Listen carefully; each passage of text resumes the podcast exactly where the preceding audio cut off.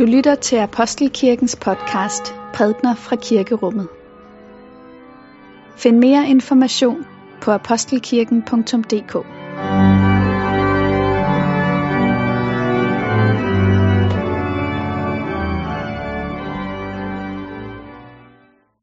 God morgen alle sammen. Velmødt til gudstjeneste her i Apostelkirken. Anden søndag efter Hellig Tre Konger. I dag der skal vi lytte til en tekst fra Johannes evangeliet. Man kan sige, det er et særsyn, vi skal opleve i dag, for sjældent kommer vi så tæt på et møde mellem Jesus og et andet menneske. Det er en af de længste tekster, der findes i det nye testamente over et af disse møder. Jesus, som møder kvinden ved brønden. Det skal handle om levende vand, tørsten, som aldrig slukkes. Jesus Kristus, du er midt i blandt os, og dagligdagen er gennemlyst af din herlighed. Men du kender også vores svigten og vores forvirrede liv, og alligevel holder du fast ved os, som du lovede det, da vi blev døbt. Det takker vi dig for, og vi beder dig, giv os af din hellige ånd, af det kildespring til evigt liv, som aldrig løber tør, så vi får kræfter til at tjene dig og tilbede dig i ånd og sandhed. For du er den levende kilde, og din kærlighed strømmer imod os fra evighed til evighed. Amen. Dette hellige evangelium skriver evangelisten Johannes. Lad os takke for Guds ord. For Guds ord i skriften, for Guds ord i blandt os, for Guds ord inden i os, takker vi dig Gud. Jesus kom da til en by i Samaria, som hed Sykar, i nærheden af det stykke jord, Jakob gav sin søn Josef. Der var Jakobs kilden. Træt af vandringen, satte Jesus sig så ved kilden. Der var, det var ved den sjette time. En samaritansk kvinde kom for at hente vand. Jesus sagde til hende, Giv mig noget at drikke. Hans disciple var nemlig gået ind til byen for at købe mad. Den samaritanske kvinde sagde til ham, Hvordan kan du, en jøde, bede mig, en samaritansk kvinde, om noget at drikke? Jøder vil nemlig ikke have med samaritanere at gøre. Jesus svarede hende. Hvis du kendte Guds gave, og vidste, hvem det er, der siger til dig, giv mig noget at drikke, så ville du have bedt ham, og han ville have givet dig levende vand. Kvinden sagde til ham, Herre, du har ingen spand, og brønden er dyb. Hvor får du så levende vand fra? Du er vel ikke større end vor fader Jakob, som gav os brønden og selv drak af den, ligesom hans sønner og hans kvæg. Jesus svarede hende, En hver, som drikker af dette vand, skal tørste igen. Men den, der drikker af det vand, jeg vil give ham, skal aldrig i evighed tørste. Det vand, jeg vil give ham, skal i ham blive til en kilde, som vælger med vand til evigt liv. Kvinden sagde til ham, Herre, giv mig det vand, så jeg ikke skal tørste og gå herud for at hente vand. Han sagde til hende, gå hen og kald på din mand og kom herud. Kvinden svarede, jeg har ingen mand. Jesus sagde til hende, du har ret, når du siger, at du har ingen mand. For du har haft fem mænd, og den du har nu er ikke din mand. Der sagde du noget sandt. Kvinden sagde til ham, Herre, jeg ser, at du er en profet. Hvor fædre har tilbedt Gud på dette bjerg, men I siger, at stedet, hvor man skal tilbede ham, er i Jerusalem. Jesus sagde til hende, Tro mig, kvinde, der kommer en time, da det hverken er på dette bjerg eller i Jerusalem, I skal tilbede faderen. I tilbeder det, I ikke kender, vi tilbeder det, vi kender, for frelsen kommer fra jøderne. Men der kommer en time, ja, den er nu, da de sande tilbedere skal tilbede faderen i ånd og i sandhed. For det er sådan en tilbeder, faderen vil have. Gud er ånd, og de, som tilbeder ham, skal tilbede i ånd og sandhed. Kvinden sagde til ham, Jeg ved, at Messias skal komme, det vil sige Kristus, når han kommer, vil han fortælle os alt. Jesus sagde til hende, det er mig, den der taler til dig. Amen. Lad os bede sammen. Må min munds ord og vores hjerters tanker være dig til behag, o oh Gud. Amen. Prøv at øh, kaste et blik på gudstjenestefolderens forsidebillede. Hvis man kigger på billedet, ja, så får man jo øje på den kvinde, som vi har læst om i dagens tekst. Kvinden ved brønden. Kigger man på det ikke så lang tid, så forstår man også, at det er et billede, som har taget sig nogle friheder, nogle fortolkningsfriheder. Målet har ikke nødvendigvis været at skabe en en-til-en gengivelse er sådan, som det så ud faktisk den dag Jesus mødte kvinden ved brønden i Sykar. Den samaritanske kvinde har næppe haft en kortærmet rød kjole på. Hun har næppe haft udslået hår. Trods vandoverfladen i brønden næppe har ligget så højt, så hun kunne spejle sig i den, men derimod har den ligget langt under jorden, gemt fra folk. Billedet er altså tilpasset. Vi ser på et billede, som viser en kvinde, som hun kunne have set ud i vores del af verden den dag i dag. En moderne kvinde. Fortsætter vi med at se på det, så får vi også øjeblik på et øje på en stemning i billedet. En kvinde, som ser ud til at bære på mere end den spand, vi kan se, hun har medbragt til brønden. Hun har et nedslået blik. Hun ser tynget ud, som om, at livet har sat sig spor i hende. Og når man så kigger ned der i vandoverfladen, så er det som om, at overfladen er som et slags spejl, der holdes op foran hende. Og der kan hun på en måde se hele sit liv. Livet, som det tog sig ud for hende. Måske også på den måde, som hun ikke havde ønsket, at livet skulle udvikle sig. Men det gjorde det dog. Det er et brudt menneske, vi ser på billedet her. Et menneske, som har brug for heling. Vi kan afkode billedet ret enkelt som moderne læsere i dag. Små markører, der hjælper os til at se bag det, som lige er umiddelbart for næsen af os. Havde vi levet på Jesu tid, så ville der formodentlig være nogle andre ting, vi ville bide mærke i i dagens tekst. Bemærkelsesværdige ting. En kvinde, som er alene, kommer ud til en brønd, møder Jesus. Midt i den middagsbrændende sol. Ganske, ganske usædvanligt. Vi vil sikkert også have bemærket noget omkring talsymbolikken her. Syv er et tal, som symboliserer helhed, fuldkommenhed i jødisk sprog og historie. Grundkonsonanterne for tallet 7 og det hebraiske ord for fuldkommenhed er de samme. Og vi fornemmer den her sammenhæng, når vi kigger på skabelsesberetningen i begyndelsen af Bibelen, hvordan Gud Herren skabte himmel og jord. Og himlen og jorden blev opfyldt med træer, med planter, med levende væsener i dagene derefter. Men på den syvende dag, der stoppede Gud op og så, at skaberværket var fuldendt. Det var den syvende dag, som gjorde skaberværket komplet. Syv er tallet for noget, der er fuldkomment. Hvor mange gange er det, vi hører, at kvinden har været gift i dagens tekst? Fem. Ikke sandt? Hun har været gift med fem mænd, som vi må forstå, alle de fem forhold var forlist af den ene eller den anden årsag. Og den mand, hun lever sammen med nu, siger Jesus, er hun ikke gift med. Det er et forhold af en anden karakter.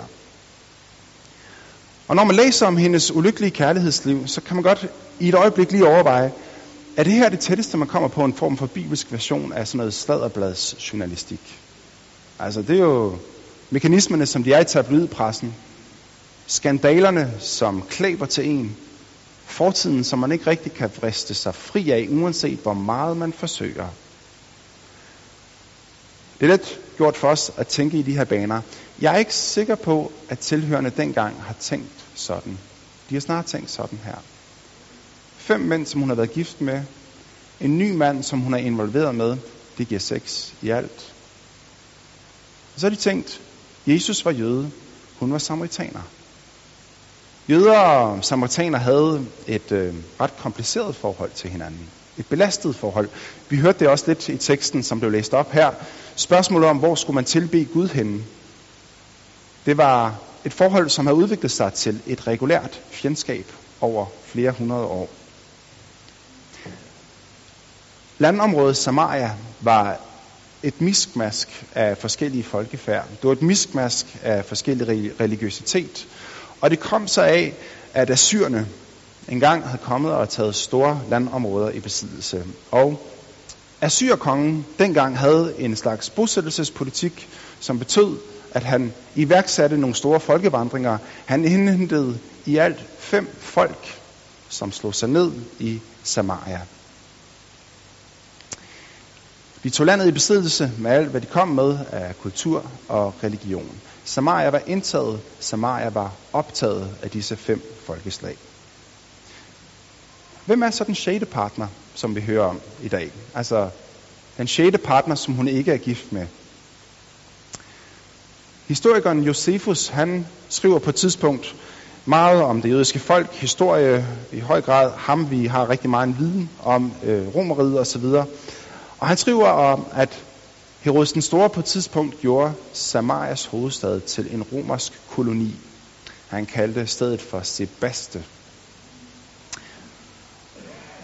Og det, der sker der, når Herodes han gør det, det er på en måde historien, som gentager sig i Samaria. Store folkevandringer, som blev sat i værk. 6.000 romerske bosættere, som kommer og slår sig ned med deres skikke, med deres sprog, med deres religion. Og Josefus, han beskriver, hvordan at der jo opstod relationer på tværs af de lokale, som havde boet der i lang tid, samaritanerne, og altså de nye romerske borgere. Der var også sikkert romantiske forbindelser, som opstod. Men, skriver Josefus, de samaritanske kvinder afstod for at gifte sig med de romerske mænd. Tværkulturelle ægteskaber var altså ikke noget, som fandt sted dengang. Ham du har er ikke din mand, siger Jesus. Igen, er det her sladderbladets journalistik? Nej, det er det ikke. Det siger faktisk noget ganske, ganske dybt om kvindens historie, Nemlig at hendes historie på en måde personificerer hele sit folks historie. Folket er indeholdt i hendes egen historie. Hendes liv har delvis været præget af en masse personlige nederlag, men der I har jo noget til fælles med sit folk. Jesus viser, hvordan samaritanerne historisk set er endt op i favnen på mennesker, som ikke vil dem noget godt. Hvordan de åndeligt set har givet sig af med afgudstykkeri, som har ført dem væk fra den ene sande Gud. Og hvordan de nu ja, er under romersk bemyndigelse. Og romerne giver vel en form for beskyttelse, men det er ikke rigtigt det, de dybest set har brug for. Det var de seks mænd. Og så står den syvende mand der ved brønden i Sykar. Og med det mener jeg selvfølgelig ikke, at øh, teksten indikerer nogen form for romantisk forbindelse mellem Jesus og kvinden ved brønden. Ikke desto mindre så er det et stævnemøde, der finder sted i dagens tekst. Ikke i form af en masse varme forelskelsesfølelser, men i form af et menneske, som mærker, at hendes længsel opfyldes i mødet med et andet menneske. Kvinden møder i Jesus et menneske, som for første gang stiller hendes restløshed i bero. Hun møder det, enhver elskende håber at møde og se i den elskede, nemlig når man stiller sig frem med alt, hvad man er, med fejltagelser, med ting, man fortryder bitterligt, at der bliver mødt ikke af et fordømmende blik, men af et kærligt blik. Det er det, hun møder i dagens tekst. Det er ikke romantik, men det er en inderlighed. Det er en sårbarhed, som måske bedst indfanges i mødet mellem to elskende. Og tilhørende dengang må have haft ganske vanskeligt ved netop ikke at tænke i de her øh, baner af stævnemøde. De har tænkt helt sikkert på patriarkfortællingerne om, hvordan Isak, Jakob, Moses, nogle af de gamle fædre, alle sammen mødte deres hustruer ved brønde ude i fremmede lande. Samme grundhistorie, men med forskellige variationer. Det er denne historiske baggrund for kvindens møde med Jesus ved brønden i dag. Brønden som et friersted. Som det sted, hvor et menneske finder sine længsler opfyldt i mødet med et andet menneske. Og Jesus sætter det her på spidsen med sine ord om, at den, der drikker det vand, jeg skal give ham, skal aldrig nogensinde tørste. Det er stik modsat af, hvad jeg sagde i indledningen. Altså, det er det her, der er det vigtige. Den, der drikker af det vand, jeg, jeg skal give ham, skal aldrig nogensinde tørste. Jesus, som den samaritanske kvindes syvende mand, der formår det, som hverken assyrerne formåede dengang, eller som romerne formår den dag i dag. Han er den, der bringer kvindens og hendes folks restløshed til ophør. Det er en beretning om noget, der heles, om noget, der fuldendes. Men så lad os overveje, hvad er det egentlig for en form for fuldendelse, vi taler om her? Hvad er det, der er på spil? Det er jo ikke en form for healing, som man kan opleve det, når man tager til lægen og lægger sig på briksen hos en læge. Skavanker, som bliver behandlet, og så snart er man okay igen. Det er heller ikke en form for fuldendelse, som man måske nogle gange kan opleve i livet som menneske, at alt går op i en højere enhed. Alting passer sammen. Og uanset hvor man vender sig omkring, så modtager man anerkendende blikke fra sine omgivelser. Det er jo strengt taget ikke en fuldendelse, som foregår hos kvinden selv, men det er Gud, der fuldender sit værk i Jesus, som hun får del i. Det levende vand, som rækkes til den, der tørster, ikke sandt? Og det store spørgsmål, der rejser sig ud fra dagens tekst, kan måske formuleres sådan her. Hvordan ser et liv ud, som opfyldes, ikke af egen fremgang, men af modtagelsen af Kristus? Hvordan, eller hvad vil det sige at drikke levende vand? Og i det her spørgsmål, der ligger der på en måde et meget vigtigt underspørgsmål, som måske kan udtrykke sådan her, nemlig, hvad gør jeg med mine mislykkede ting? Det var det, som kvinden hun oplevede, at hele, hele hendes mislykkede kærlighedshistorie blev opremset. Hvad gør jeg med mine egne mislykkede bedrifter i livet? Den bagage, som nu engang er min at bære rundt på. Og her der rammer vi et følsomt område. Dels fordi, at vi alle sammen er bærer rundt på dårlige, smertelige oplevelser, som har lagret sig op i os.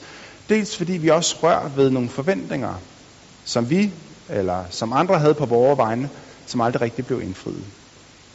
Jeg havde jo egentlig en plan om, at det skulle være sådan her i min familie, eller det skulle være sådan her i mit job. Eller jeg havde en plan om, at det skulle lykkes øh, fitnesscentre, nytårsforsæt osv. Vi vil jo gerne lykkes. Vi er instinktivt rettet mod at lykkes med det, vi sætter os for. Vi vil gerne have succes. Og når jeg siger succes her, så er det jo ikke øh, sådan tanken om, at vi alle sammen gerne vil være popstjerner i fjernsynet. Nej, succes er blot at have medgang i det, vi foretager os i vores hverdag, uanset hvor grå og kedelig den anden måtte være. Nu kommer der noget vigtigt her. Jesus han beder så ikke om at have succes som mennesker. Han beder os om at være frugtbare. Det er det, han siger til sine efterfølgere, vær frugtbar, vær frugt. Hvad er forskellen mellem at have succes og være frugtbar? Succes kommer af styrke, succes kommer af kraft. Frugtbarhed er derimod noget meget andet. Det kommer af sårbarhed. Det kommer af svaghed. Træet, som bliver beskåret, er det træ, som bærer meget frugt. Når en mand og en kvinde træder nøgen frem for hinanden i sårbarhed, kan der komme et barn ud af det. Når at tringrupperne, altså grupper, som mødes, fordi de kæmper med forskellige misbrug, når de mødes, blandt andet også her i kirken, og sætter sig sammen og deler, så sker der noget. Så opstår der et fællesskab, så opstår der måske endda et håb om en forandring. Når jeg sætter mig over for et andet menneske og siger, jeg kæmper i øjeblikket, jeg har det svært, så har jeg på den ene side åbnet op for en smerte, som har gjort mig sårbar. På den anden side, så har jeg også åbnet op for et rum, hvor jeg kan møde dette menneske, og det kan berige mit liv så utrolig meget. Frugtbarhed kommer af sårbarhed. Den hollandske præst og forfatter Henry Nouwen, som har arbejdet meget med det her, han fortæller på et tidspunkt, han giver et eksempel på, hvad det vil sige at leve i den her sårbarhed, som er så vigtig. I form af et eksempel. Det lyder sådan her. En dag, der tog han i cirkus med sin far. Stort telt, masser af mennesker, og forestillingen gik i gang. Og øhm, publikum var dybt optaget af klovne og alle de store dyr og alt det der. Selv var Henry Nouwen mest optaget af akrobaterne. Og var vildt fascineret af dem. Han kom igen næste aften og så det, og, og fik der anledning til at øh, hilse på de her akrobater. Og han sagde, jeg er en stor fan af det, I laver. Det er vildt imponerende. Så spørger lederen af akrobaterne, du, vil du komme forbi i morgen ned i teltet i morgen formiddag? Der træner vi. Kom og se det. Og det gør han. Han tropper op, bliver inviteret på middag. Sidenhen bliver han inviteret med og tager videre til den næste by, fordi på tur i øjeblikket. Får en plads i deres skurvogn, som han kan leve og bo i, og følger dem igennem flere uger. Og så fortæller han på et tidspunkt en aften, at han sidder sammen med lederen af akrobaterne der. Og de sidder og snakker om forskellige akrobatikkunstnere.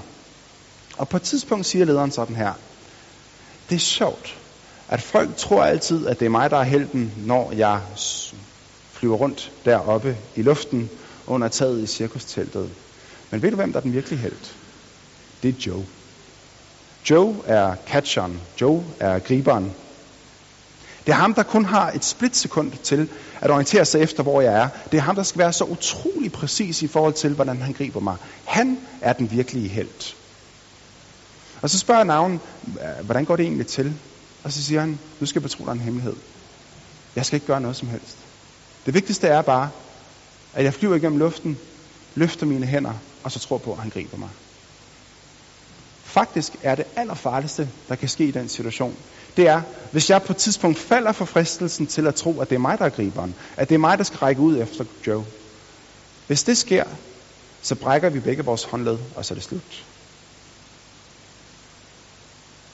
Måske det her billede kan hjælpe til at forstå, hvad det vil sige at leve åben for, hvad det er, Kristus har at give os. Hvad det vil sige at leve ud fra kilderne, som vi får tilgang til uden for os selv. Med det der følger en art overgivelse, som gør os sårbare. Vi lever ikke i egen kraft, men må ligesom akrobaten holde fast i tillid til, at der er en, der griber os. At vores liv har det bedre i Herrens hænder, end at vi tager vores liv i vores egne hænder. Det er dette, som kvinden oplever i dag. Der lever vi i, og der lever vi med Kristus. Han er den, vi trænger til. Lov og tak og evig ære være dig, vor Gud, Far, Søn og Helligånd. Du som var, er og bliver en sand trin i Gud, højlået fra første begyndelse, nu og i al evighed. Og lad os bede. Himmelske Far, mød mig nu, som du mødte kvinden ved brønden. Du, som er den, der giver liv i overflod. Giv mig tro på, at din storhed også formår at skinne igennem, når jeg er lille og kommer til kort. Amen.